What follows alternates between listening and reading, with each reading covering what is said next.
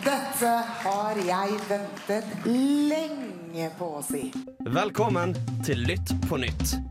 I SV kaller vi en spade for en spade. Det har vært en rein heksejakt. Hvis du klarer å bære fram ett, så bør jeg kunne klare å bære fram to. Velkommen til Lytt på nytt. Radio Revolt sitt nyhetsprogram. Morna, Velkommen, du hører på Lytt på nytt her på Radio Revolt, og i dag så har vi kvinnedag-tema. For det er jo kvinnedagen på søndag. Og gjengen som skal snakke om kvinnedagen, det er Oda, Hei, hei, hei. det er Guro Hallo, hallo. og Erika Hallo. og meg, Una.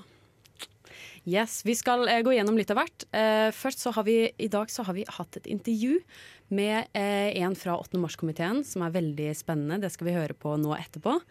Så skal vi også snakke litt om hvorfor vi feirer kvinnedagen. Er det et poeng å feire kvinnedagen nå i 2020? Ja, det kan du lure på. Ja, det kan man lure på. Det får Eller du svare kan på man senere Eller kan man egentlig lure på det? Nei. Jo. Ja, jo, det skal vi finne ut av. Det skal vi finne ut av. Det skal vi finne ut av. Skal vi snakke litt om internasjonale kvinnesaker, eller det vil si eh, kvinnesaker i andre land enn eh, Norge. Eh, og så skal vi også snakke om selvfølgelig 8. mars-markeringen i Trondheim. Litt spesifikt eh, parolene der og appellanter og litt sånt. Eh, skal vi ha litt positive kvinnenyheter? For vi må jo avslutte på en god tone. Det syns jeg. Ja. Men det er en fullspekka sending i dag. ja, jeg tror det, det blir en bra sending. Det tror jeg òg. Yes. Men før vi skal eh, gå over på intervju, så skal vi høre på deathpop-bandet fra Bergen, Blood Command, sitt, sin singel 'Saturday City' her på Lytt på nytt på Radio Revolt. På dagens sending så har vi jo temaet kvinnedagen, og i den forbindelse så har vi med oss en gjest. Ja, takk for at jeg fikk komme hit. Eh, jeg, skal jo, jeg kan jo presentere meg sjøl litt. Ja. Jeg heter da Gyro Fjordheim Fjærmdal, og jeg sitter i det vi kaller arbeidsutvalget i 8. mars-komiteen i Trondheim. Det vil si at vi er på en måte styret i 8. mars-komiteen. Da er vi vel fire folk, og jeg er en av de da, som er med der. Ja, Så kult. Um, ja, vi har lyst til å spørre litt om hvordan eh, 8. mars eh, skal være i Trondheim i år. Men først så lurer jeg på hvorfor feirer vi egentlig kvinnedagen? Er det fremdeles viktig at vi gjør det i 2020 i Norge? Ja, eh, Når jeg er med i 8. mars-komiteen, så vil jo kanskje mitt åpenbare svar være ja. Det er viktig. eh, og jeg tenker jo at 8. mars både er en, på en måte festdag, fordi vi skal feire alt vi har fått til. Og det er jo bare å se liksom, litt tilbake ved historien, så ser vi jo veldig mye som vi har fått til. Og mye av det har jo vært på en måte saker som har blitt løfta på 8. mars, eller i lignende arrangement. da. Det mest åpenbare er jo stemmerett til kvinner, så det kan en jo dra fram. Og så tenker jeg jo at det er veldig mange kamper som vi fortsatt må kjempe. Både på en måte i Norge og òg mer internasjonalt. da. Og det vi gjør, er jo at vi prøver å løfte noen av de sakene på 8. mars i år. Og så er det jo veldig vanskelig å få løfta alt i en liste, men vi har prøvd å få fram en del saker som vi mener er viktige å fortsette å kjempe for. Og der er det jo blant annet har vi tatt opp eh, ja, papirløse sin rett til å få arbeide. Eh, for det er jo en veldig viktig sak for kvinnebevegelsen. har jo nettopp vært økonomisk frihet for kvinner. Og i tillegg eh, metoo-kampen, at vi mener at den må vi fortsette å holde liv i. da. At det var ikke noe som var 2017-2018, og så glemmer vi det. Men det viser seg jo at det er noe vi må holde liv i hele tida. Ja. ja, for det er jo de to hovedparolene, eh, også de to appellene som skal skje før, eh, før selve, føl- selve toget.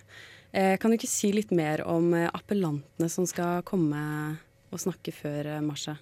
Ja, vi har jo vært eh, kjempeheldige og fått tak i to veldig gode appellanter. Og det ene er jo Lula Tekle, som uh, sjøl er papirløs eh, asylsøker, og som òg har lenge hadde lov til å jobbe, men etter en del lovendringer og òg praksisendringer, så var det mange, inkludert Lula, som ikke lenger fikk lov til å arbeide.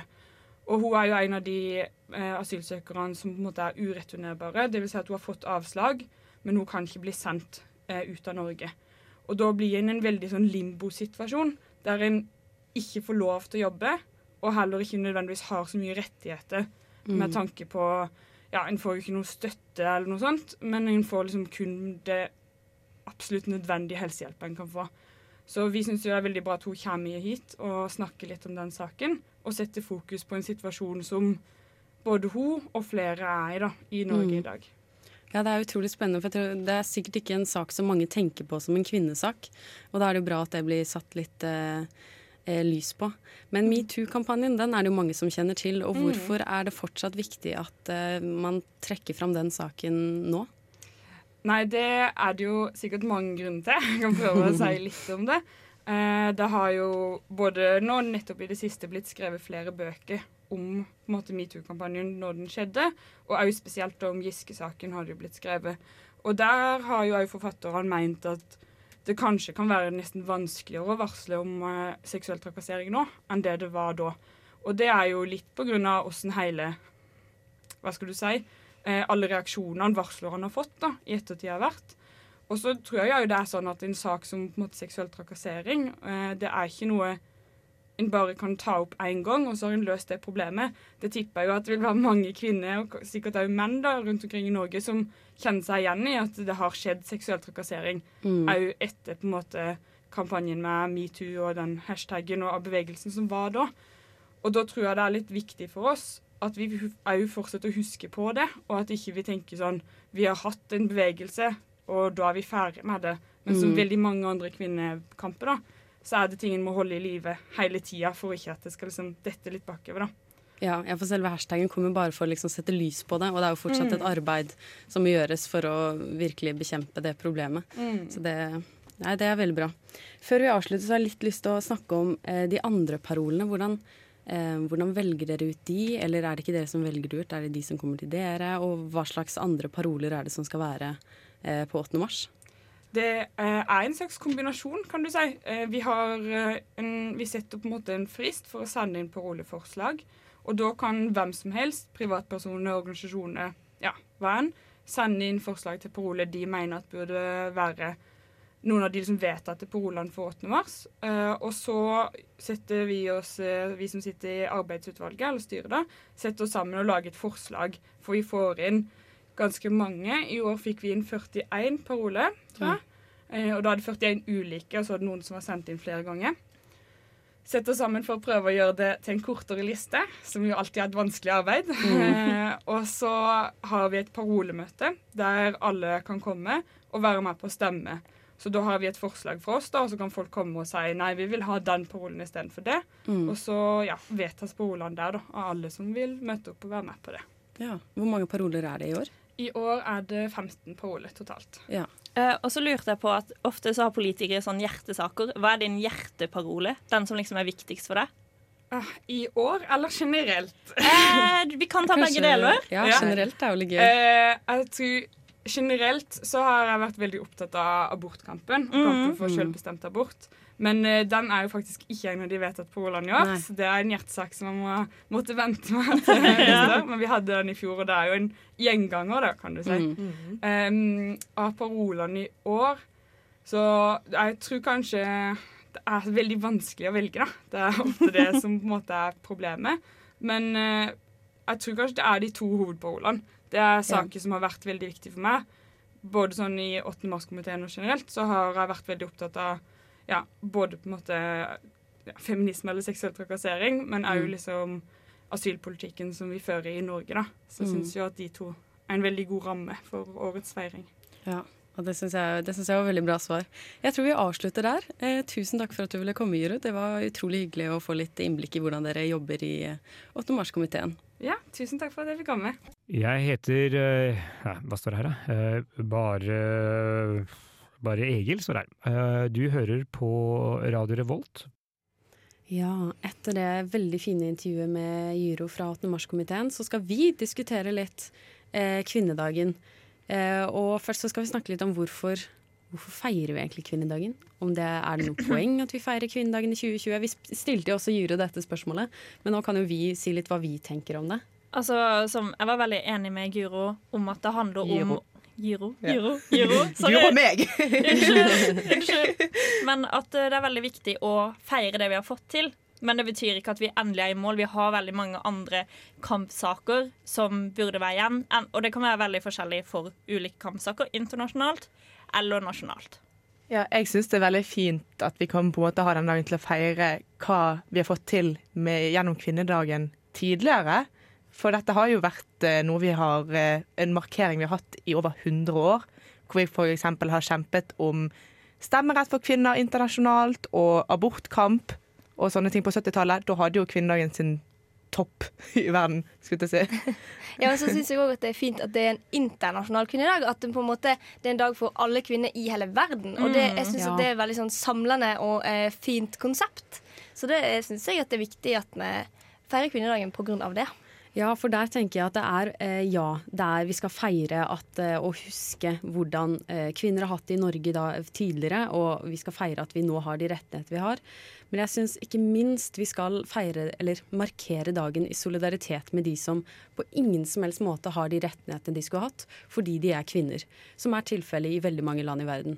Eh, og jeg syns det er veldig viktig at vi setter fokus på det, for det tenker jeg er det er det viktigste vi gjør på kvinnedagen. Det er å sette lys på det, ikke de litt mindre sakene som vi har i Norge. For jo da, det skjer saker som angår eh, spesifikt kvinner Og i Norge i kan dag. være alvorlige De fra kan vårt være alvorlige, perspektiv. Absolutt. Men hvis man ser på det internasjonalt, så er det så utrolig mye verre ting som skjer med kvinner som Ja. ikke, eller som snakkes altfor lite om på kvinnedagen. Og det er jeg litt opptatt av at det må mer fram på eh, 8. mars. Ja, fordi problemet der er at eh, de sin situasjon er vårt verste mareritt, men det Ja. er de sin realitet. Og jeg tror Mm. det er det som er veldig viktig å tenke på. At ja, vi har hatt selve metoo-kampen og veldig mange eh, likestillingskamper her i Norge. Men Og det er jo kjempebra. Ja, men det kan ikke måles. Det kan ikke måles, Nei. Men det er ikke det at vi skal undergrave problemer i Norge. Men det er viktig å tenke på alvorligheten da, som skjer i ulike land. da. Ja, for i lys av det så, så føler jeg veldig personlig at kvinnedagen er ikke min dag. Jeg, blir ikke, jeg har ikke noen mindre rettigheter fordi jeg er kvinne. Og dermed er ikke kvinnedagen det handler ikke om meg. Den er internasjonal kvinnedag. Det handler om de kvinnene som faktisk ikke har de rettighetene de skal ha fordi de er kvinner. Men der eh, har man jo forskjellig altså Det skjer jo ja, ting i Norge også, så det blir jo liksom Men jeg syns det er for fokus på at vi skal som kvinner gratulere hverandre, eller menn skal gratulere oss kvinner med dagen. Men for meg er ikke kvinnedagen min dag, for jeg har ingen grunn til å kjempe noen kamp fordi jeg er kvinne. Jeg syns det er litt dumt at du tenker sånn. Ja. Fordi jeg synes at, at eh, det er noe med det at OK, halvparten av menneskene, faktisk litt over halvparten av menneskene på denne jordkloden, er kvinner. Da må vi jo på en måte kunne være et slags verdenssamfunn av kvinner som på en måte kan stå sammen om noe. Og da må det være kult at den internasjonale kvinnedagen kan være en ting vi står sammen om. Ja, jo og da. du er, jo, Ja. du er jo en kvinne i verden. Mm, ja, Kanskje men- det være din dag likevel? Jo, men det blir så feil likevel at jeg skal få bli gratulert. Gratulere med at kvinner over hele verden ikke har rettigheter, men vi skal gratulere deg. Du som okay, er privilegert og som ikke har noen ja, jo, men jeg, jeg er med på den solidaritetsdelen ved det. Og jeg også vil stå i solidaritet med andre kvinner. Um, men jeg vil ikke bli gratulert. Det er ikke min dag. Men, det, men sånn gratulasjon syns jeg er litt fint òg, når sånn pappa sier gratulerer med dagen til meg og mamma. Fordi det er sånn Hva liksom norske kvinner har fått til opp gjennom historien, og norske menn har vært med å bidra til hva for noen rettigheter som vi har fått, gjennom mye sånn protest og eh, marsj og sånne ting. 8. mars. Og jeg syns egentlig det må være lov til å si gratulerer med dagen, og samtidig huske på og sette lys på alle de internasjonale problemene som finnes for kvinner der ute. For det er jo absolutt helt sant at de har det ganske utrolig, utenkelig mye verre enn vi har det her i Norge. Men det betyr jo ikke at vi i Norge har det perfekt heller, og Nei, alt er rosenrødt, og vi har liksom regnbuer og solskinn, og alt er sukkerspinn på pinne, liksom. Altså, for vi har jo sånn at jeg, jeg ganske sikker, men det kan hende jeg tar feil på akkurat denne statistikken, men det er jo sånn at en av ti vil oppleve å bli voldtatt i Norge, og én av tre vil bli seksuelt trakassert. Da er det jo noe galt her med hvordan kvinnesynet er. Absolutt. Ja, ja jeg er jo enig i det. Ja.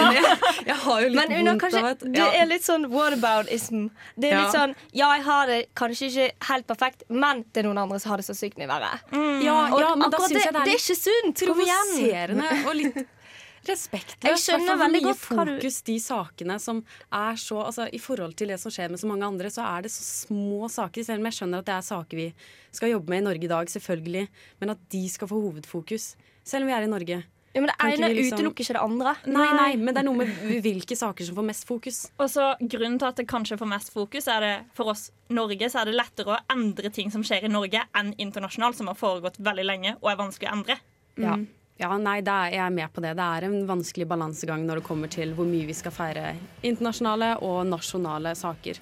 Men vi skal høre musikk. Vi skal høre på eh, Trondheims eh, og Radio Revolts-favoritten Kombos med singelen Boom Shakalaka.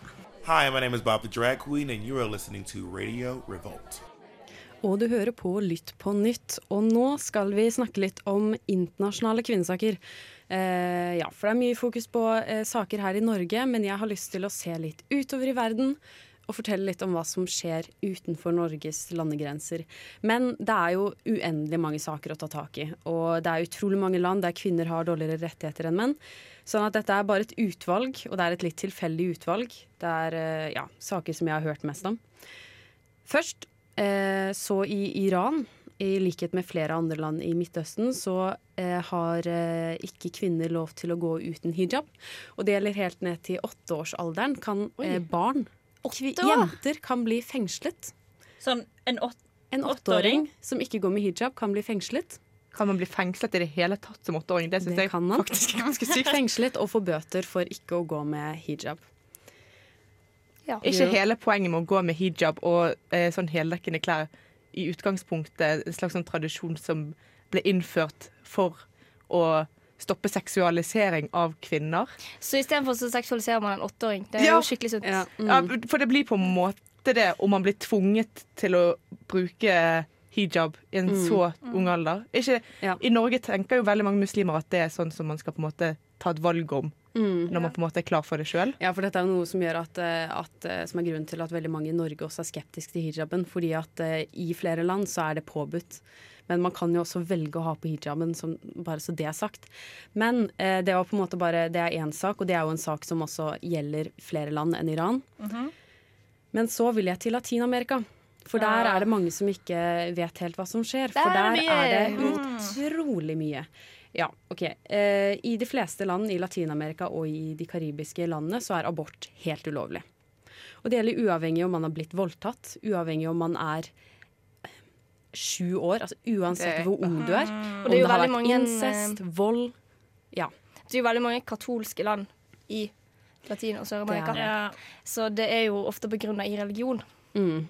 Ja, og så er det en, en, en kultur Ja, for det er jo det også at det er en slags kultur for at det er ikke så ille å eh, Nå skal jeg formulere meg varsomt, men det er veldig mye incest, det er veldig mye vold mot eh, barn. Eller seksuell vold mot barn. Eh, og bare for å illustrere. Her har jeg noen tall. I 2017 så rapporterte Unicef at jenter mellom 10 og 14 før, altså de, de, de før barn eh, hver tredje time i Argentina. I hele 2017. Hver tredje time. Så et barn mellom 10 og 14 føder et barn. Globalt så eh, er det to millioner eh, jenter under 15 år eh, som eh, får unger. Under 15 år. To millioner jenter i året. Eh, og det er ofte res- resultat av seksuell vold, da. Og det som er spesielt med Latin-Amerika og Karibien, er at disse tallene øker. Det er Det er flere og flere som blir eh, gravide i den alderen. Eh, fordi abort er så strengt ulovlig. Og du kan skjer- risikere å bli både fengslet Ja. og drept hvis du tar abort i eh, Latin-Amerika. Dette var utrolig ubehagelig. Jeg blir ja, kjempetrist. Men jeg syns det er viktig Det- at man snakker om det likevel. At Ja, man er klar over hvor Det alvorlig dette problemet Og det er akkurat når bare vi kjenner at dette er sykt ubehagelig å høre. Tenk å oppleve, ja. liksom. Mm. Og det er derfor det er så sykt viktig å snakke om. Ja, man må snakke om ting som er ubehagelige. Absolutt. Det- Og opplyse om det. Og Mm. som en følge av at så mange jenter blir gravide i så ung alder, så eh, er det seks av ti av de som blir gravide, de dropper ut av skolen. Så det fører jo også til at eh, færre kvinner får utdanning. Det er ganske mange må kvinner som begynner eh, med utdanning. De fleste jenter tror jeg begynner i utdanning i Latin-Amerika. Der tror jeg tallet er ganske høyt. Men det er utrolig mange som dropper ut som eh, årsak av at eh, man blir gravid. Dette må jo, øke, dette må jo føre til økt fattigdom og Mm. sånne ting òg. Det er jo Ja. Ja, for utdanning er jo som kjent veien ut av fattigdom. Ja. Som Ja. regel. Så det er et større problem enn ja, Det er ubehagelige tall, og det er et ekstremt stort eh, problem, og det har bivirkninger, og det blir en dominoeffekt av det. Mm. Eh, og bare for å nevne også I Sør-Korea så er også abort ulovlig, men da med unntak av voldtekt, incest og, og eh, kvinners helse i fare. Men det er flere land der det er tilfellet at abort er ulovlig på et eller annet vis, og det er et av de største sakene, tenker jeg, da, innenfor internasjonale kvinnesaker. Ja. Eh, fra de triste nyhetene der, eh, så skal vi høre på låt. Vi skal høre på Amine med 'Shimmy'. Ja, da er vi tilbake på Litt på nytt. Og vi har snakket litt om internasjonale kvinnesaker. Det ble Veldig trist. Det ble utrolig trist stemning i studio. Jeg var ikke forberedt på det. Nei, Nei, jeg beklager det, men uh, igjen så er det jo viktig å, å være Men jeg vil si at det er jo derfor det er kjempeviktig å, å, å engasjere seg på 8. mars. Fordi at det skjer Mm. sånne ting i verden, og vi veit om det. Ja. Og tenk deg, Ja, det var bare et knippe. men jeg syns det snakkes for lite om det på, Ja. i 8. mars-markeringer. Men hadde det kommet fram i alle 8. mars-markeringene, altså kvinnedagen, så hadde jo det vært fantastisk. Det hadde vært gull. For det er liksom den ene dagen i året man har muligheten til å sette lys på sånne saker. Mm. Så det burde blitt eh, mer av det. Men eh, nå skal vi snakke om eh, 8. mars-feiringen i Trondheim. Ja. Ja. eh, og da kan vi jo eh, snakke litt om hovedparolen først, kanskje. Ja. For de er eh, metoo-kampanjen og eh, papirløs, ikke verdiløs, er det ikke det vi kaller det? -hmm. Ja. Ja, fordi hovedparolen eh, metoo, altså da kommer hun Sunniva Andreassen. Hun der som regnes som hovedvarsleren til Trond Giske. Som Og egentlig starten på metoo i ja, og som er Mm. sykt interessant med tanke på at Trond Giske er innstilt på liksom til Trondheim, Arbe- eh, nei, Trøndelag Arbeiderparti som leder. Det er interessant. Det er sant. Og så kommer hun tilbake i hjembyen og skal snakke, så han kan jo ikke delta her. Det tror ikke han hadde plan. Nei. Det er ikke helt om eh. Ja. Det lurer jeg på. Hva har Trond Giske tenkt? Har han tenkt Jeg tror han tør. Han kan Ja, jo ikke det når hun har tror- appell. nei, Det blir jo, Altså- og det blir jo bare vanskelig for henne også. ja. Ja. Og så hadde det jo vært litt sånn Aldri mer metoo eller stopp Og så metoo. står han der, Og så står han sånn Hallo! Hvordan står det til? Hele symbolet på metoo i Norge. Men jeg Ja. syns den andre hovedparolen Den er ganske spennende, for det er jo om hun Lele Tekle. Mm. Og det er jo hun eh, som ble fengsla av eh, Nei, pastoren ble fengsla for han hadde ansatt henne. Eh, som hun eh, Gyro snakka om eh, Mm. på det intervjuet. Så da kommer hun for å snakke om arbeidsrettigheter. Som bare for å oppklare, hun jobbet eh, hos en pastor. Hun var papirløs, så hun mistet arbeidsrettighetene sine. Og derfor ble han pastoren fengslet, fordi han lot noen jobbe for seg ulovlig. Ja, svart, da. Ja, svart. Og hva skjedde Ja. med hun da? Nei, hun er i limbo, for hun, kan, hun, er, I limbo, ja, for hun er ureturnerbar. Men hun Men har har ikke fått ja, Mm. Hun får ikke asyl her, så hun er på en måte i en slags limbo hvor hun ikke får noen selvrettigheter, nesten. nesten. Ja. Men de kan ikke returnere henne til noen steder. Nei, fordi hun mente jo at hun ikke kunne eh, reise med papirene, for hun hadde ikke tid til å komme seg ut av landet. Ja, for jeg, jeg kan være med på at dette er en eh, veldig viktig sak. Men jeg sliter litt med å skjønne hvordan dette er en kvinnesak. Fordi dette kan jo skje med en mann òg. Ja. Hvorfor er det spesifikt en kvinnesak når det på en måte handler om, om eh, rettigheter til mennesker som ikke har papir?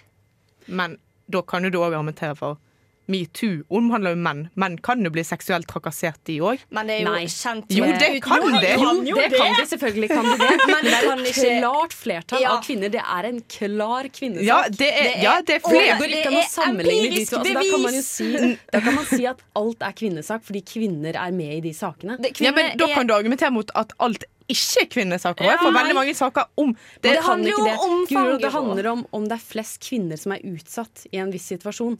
Og det, er, eller det vet jeg ikke om det er. Ja, For det kan godt hende det er det. Men vet du, Nei! Men altså, Men- mørketall, da. Det, vi. Det er jo Ja. ekstremt mange mørketall på menn som blir trakassert. Absolutt. Og De tør jo ikke å komme fram. Det er et kjempestort problem. Ja.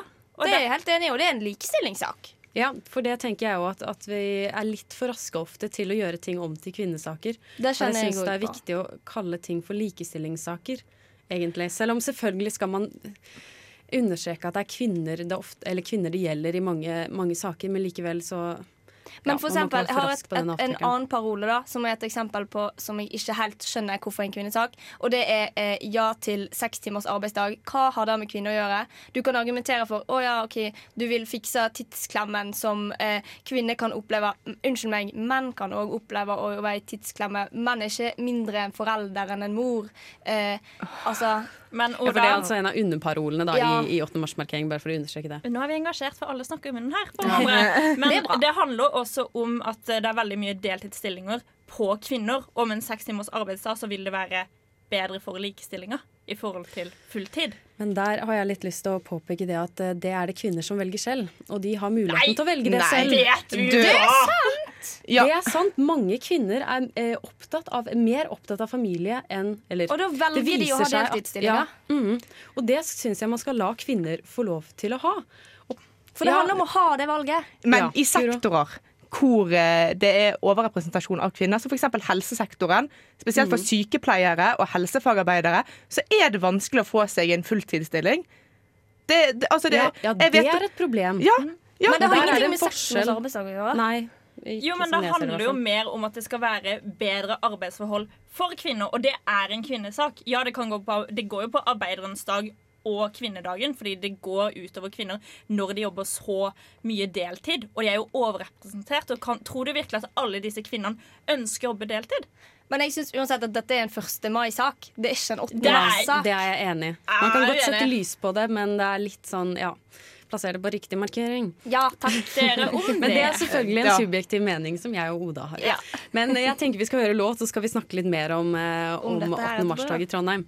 Men først så skal vi høre på eh, rockebandet fra Tromsø, Lut, med Mersmak. Hei, det er Kyra Gørvla Kygo Nei, bare kødda. Det er Thomas Seltzer. 30 år eldre enn Kygo. eh, Og du hører på Radio Revolt.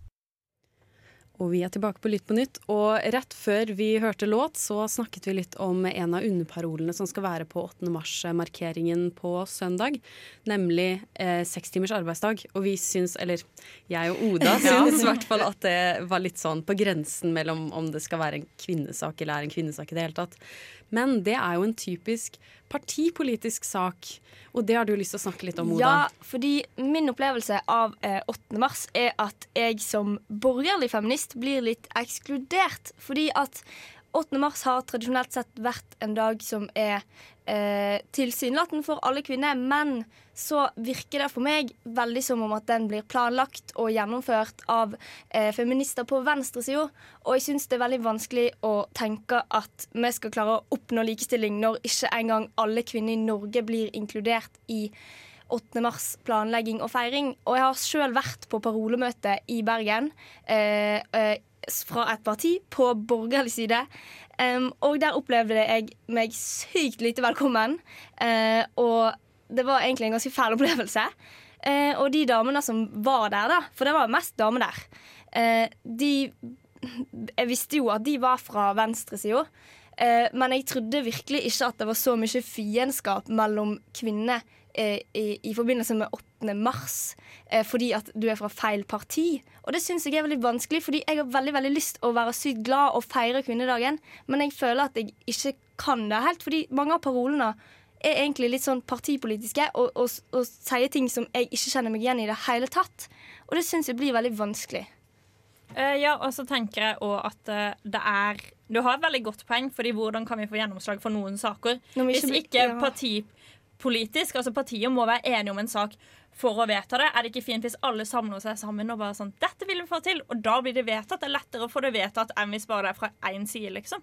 Men jeg mener ikke at vi alltid må være enige på, tross av, eh, på tvers av politiske spekter. Jeg mener bare på den ene dagen kan ikke kvinner samles og bare være kvinner, og ikke være partipolitiske. Mm, der Det er en ideell verden for meg. Utrolig enig, ja. Men der tenker jeg man kan også rette litt kritikk mot den borgerlige siden, for der er det veldig få som møter opp. Og det er jo et stort problem. Så Ja. vil jo oppfordre alle eh, feminister som ikke tilhører venstresiden, å faktisk prøve å gjøre noe på eh, kvinnedagen og være med i, på parolemøter og sånne ting. Mm. Jeg vil òg oppfordre alle feminister som er på venstresiden, til å òg være med og delta. Eh, sammen med de borgerlige, altså. Men at de òg deltar. Ja, men, Ja. at- Men de er jo overrepresentert. De er overrepresentert, og Allerede. kanskje at de feministene på venstresiden kunne kanskje bare prøvd å være litt mer inkluderende. Fordi en opplever virkelig at en ikke er velkommen når du kommer fra feil parti, på en måte. Jeg vil bare oppmuntre til at alle skal være med.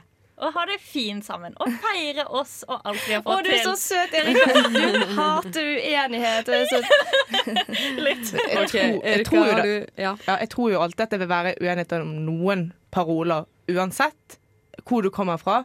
Men at det er så stor uenighet, er jo litt dumt. Mm. Eh, Men det er ikke eksempel- uenigheten som er problem, det er ekskluderingen av eh, kvinner som ikke er på venstresida, som jeg føler er problemet. Men er det, altså er det å inkludere seg sjøl, eller er det en ekskludering fra eh, Nei, men, men det er jo vanskelig å ta del i noe du ikke føler deg velkommen i, og liksom på en måte brøyte seg vei og være sånn Ja, hei, jeg vet at ingen vil ha meg her på dette parolemøtet fordi at jeg kommer fra feil parti. Ja, eller hvilken parole skal jeg stille meg under? Jeg Ja. står jo ikke for noen av disse venstresidesakene. Står ikke dere for noen av de sakene som er Det for det er, der, det er en ganske stor altså, Ganske mange av disse underparolene pa, ja, er, er venstresidesaker. Som også gjør at det fort blir litt på grensen mellom det er kvinnesaker eller ikke. Fordi disse partiene har lyst til å få fram sine hovedsaker. Og der tenker jeg også at det er et problem. Og det å gjøre at kvinnedagen ikke lenger blir, handler om kvinnesaker, men at det også handler en del om at én side skal få fram sin politikk. Men eh, hun eh, Gyro som var hos oss før i dag, sa at hun prøvde i alle fall å ha partihatt på ene siden og 8. mars-hatt på andre siden. Så det er dumt hvis det, eh, hvis det av og til hender at eh, eh, det ikke blir helt eh, partinøytralt. Eh, når man bestemmer seg for Ola. paroler. Men det er ganske vanskelig å skille alt, alltid, da. Men jeg tror de prøver så godt de kan. Ja, det er eh, litt vanskelig akkurat det der. Men jeg tenker vi kan ta for oss litt flere av underparolene. Ja, fordi at det er jo sånn at historisk sett så er det jo ofte fra den ene sida, og derfor er de veldig representert. Så nå skal vi ta for oss noen underparoler som enten er venstreorienterte eller ikke. så en jeg syns var veldig interessant, det er sex uten samtykke er voldtekt. Vi krever samtykkelov nå. For det føler jeg er veldig vanskelig. Ja, for det er en av eh, de større sakene Amnesty driver i Norge. Eh, som handler om at man skal vedta en lov der det står spesifikt i lovverket til Norge at uh, uten samtykke så er, er, blir det voldtekt. Mm. Og man og er er jo kjempevanskelig. enig i det, men det er så vanskelig med Ja. akkurat det juridiske. For skal man da, hvis man ikke har sagt hei, jeg har lyst til å ha sex med deg, har du lyst til å ha sex med meg? Skriv under på denne kontrakten! Ja, skal man, hvis ikke man har sagt den tydelige enigheten, skal det- man da Alle er jo enige i at, at, at man skal ha samtykke, men praktisk sett, hvordan skal dette egentlig gjennomføres? Ja. Er dette greit? Ja. Så lett Ja, er men hvordan skal Jo, du bevise det? Ja, det, men det er vanskelig å motbevise det òg, da. Ja. Ja. Jeg tror ikke det er sånn Hei, vil du skrive under på denne kontrakten okay, som juridisk er mener deg? men uansett, uansett så tenker jeg det er veldig bra at Amnesty har en plass, og at de snakker om voldtekt og samtykkelov, ja. og at det er noe som diskuteres, da, og at det er lys på det, for det er jo en av de større sakene Mm. som er i Norge, som omhandler kvinner. Så bra. Bra. Bra, selv om det kanskje blir vanskelig å finne ut hvordan. Men eh, en annen ting som er veldig interessant, og som jeg syns er dritbra, og det er mer kunnskap om kvinnesykdommer. Ja. Det er en av mine favorittparoler, faktisk. Ja, hvorfor For det? der Å ja, unnskyld. Å ja, Nei, fortsett unna. Det går Nei, helt jeg fint. skulle bare si at det er jo noe som har sin bakgrunn i hvordan historien har vært. Det har vært menn som har vært eh, leger, det har vært menn som har vært forskere, og da har det blitt mer opplyst om mannehelse, og det er forsket Mm. mer på mannehelse, og det er på en måte naturlig hermetegn i forhold til hvor lite kvinner har vært i de yrkene, men at det er på en måte det er noe som henger igjen i historien, da, som Ja, er ja. veldig fint å rydde opp i. Ja, fordi at tidligere har jo kvinner bare Nei, dere er hysteriske. Alle smerter er knyttet til mensen, eller sånne ting. Så det, Det er jo gøy. ja. Nei. Ja. Og så er det en annen som er veldig fin, og jeg har lyst til å fine så alle har det fint nå. Verden vinner med utdanning til alle kvinner. For det er jo ikke alle som får utdanning. Blant annet som du nevnte med skoler, at folk må droppe ut pga. barn. Mm. Eller i Tanzania, hvor faktisk hvis folk blir gravide, ofte gjennom voldtekt eller eh, barneekteskap, blir de kasta ut av skolen. Og det er jo sant at man vinner med utdanning. Ja. Der var noen av eh, underparolene som eh, skal være i toget i Trondheim. Vi skal høre på Finding Neo med Question her på Lytt på nytt. Ok, nå har vi snakket om ganske mange litt eh, Betente. kjipe- Betente ja, saker. Noen betente Betente innad i gruppen. kvinnesaker. Ja, og så har vi snakket om noen ganske grusomme saker internasjonalt. Så vi tenker vi skal avslutte på en god tone med litt positive kvinnenyheter. Ja, det syns jeg er hyggelig. Fordi jeg har en gladnyhet, og det er at Skottland skal gjøre bind og tamponger gratis. Og planen har blitt vedtatt i parlamentet. Og veldig mange eh, land har, slutta, har kutta i momsen og skatter på bind og tamponger. Jeg har en lang liste. Det er annet Tyskland, Irland, India, Colombia, Malaysia, Nicaragua, Jamaica, Uganda. Det er mange flere. Og det er en sykt gladnyhet. Kan jeg komme med en trist nyhet? Norge står ikke på den listen. Nei, nei. Det skal skje. Ja, for skal i Norge skje. betaler vi mer moms på tamponger enn på godteri og brus. Og For det er luksus. Positive nyheter, folkens! Ja, positivt. Det var positiviteten. Ok, Next positiv Unnskyld, unnskyld. Og så er det eh, en eh, forfatter fra Storbritannia som eh, har gjort en undersøkelse og funnet ut at nesten 30% av kvinner kaller seg sjøl feminist. Det syns jeg er bra, fordi det er et ord som mange har vanskelig for å kalle seg sjøl. Men det er faktisk ganske mange som velger å kalle seg feminist. I tillegg så gjorde hun en undersøkelse eh, blant eh, 1300 eh, britiske feminister som var aktive feminister. Og der var tre fjerdedeler under 35. Og det lover godt for fremtiden. I tillegg vil jeg nevne at Lizzo eksisterer, og at Obama kalte seg feminist. Kan det bli bedre? Bra, ja, det kan det. bra. Men ja, ja. Jeg syns ikke at det kan bli bedre. Obama har jo faktisk sagt at eh, kvinner er utvilsomt bedre enn menn. Og dersom land hadde blitt styrt av kvinner, hadde verden vært et bedre sted. Nei, Det men ja, ok. Kult, morsomt at han sier det, men nei. Nei, Men nei, det, er ikke det, det er ikke det feminisme Men handler om. Men hallo, Det- Una, dette var gøy. Ja, ja, det var gøy. Positive. Ikke negativitet, OK? Nei, nei, nei. Det er godt, ass. Shit. Og vi, vi har like muligheter til utdanning og Ja, nå er det faktisk eh, greier. nesten like jo- mange jenter som gutter som begynner på skole. Ja, internasjonalt Ja. til og med. Det er ganske sykt. Ok, Greit, vi skal høre på låt før vi avslutter. Vi skal høre på Death Crush med Know What You Want. Jeg heter uh, Hva står det her, da? Uh, bare Bare Egil står her. Eh, du hører på Radio Revolt. Det stemmer, og du nærmer deg avslutningen på sendingen til Lytt på nytt. Men før vi eh, går hver til vårt, så har vi Ja, vi har snakket om kvinnedagen i dag. Eh, og vi har snakket litt om internasjonale, jeg har snakket litt om internasjonale kvinnesaker. Og da vil jeg oppfordre alle til å skrive under på underskriftskampanjer som Amnesty har på sine nettsider. Spesielt da de som angår kvinnesaker, men egentlig generelt eh, menneskerettighetsbrudd. Eh, skriv under på de sakene, for det hjelper faktisk. Det gjør at det blir lettere å, å endre på sånne lover i, i land rundt omkring. Andre Ja. tips? Jeg har et tips, jeg òg. Dra på Samfunnet. Eh, De, hvis du er i Trondheim, så har de masse arrangementer eh, som kalles eh, under kvinneuka, og masse gøye ting. Og dra i toget. Lag paroler. Ha din egen paroler. Kos deg.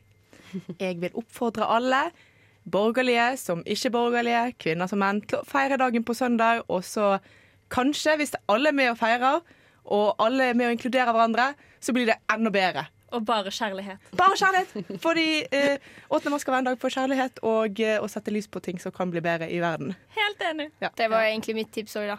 Men jeg vil jo gi en spesiell oppfordring til alle som ikke er på venstresiden, men fortsatt er feminister. Og hvis du bare er kvinne Og menn.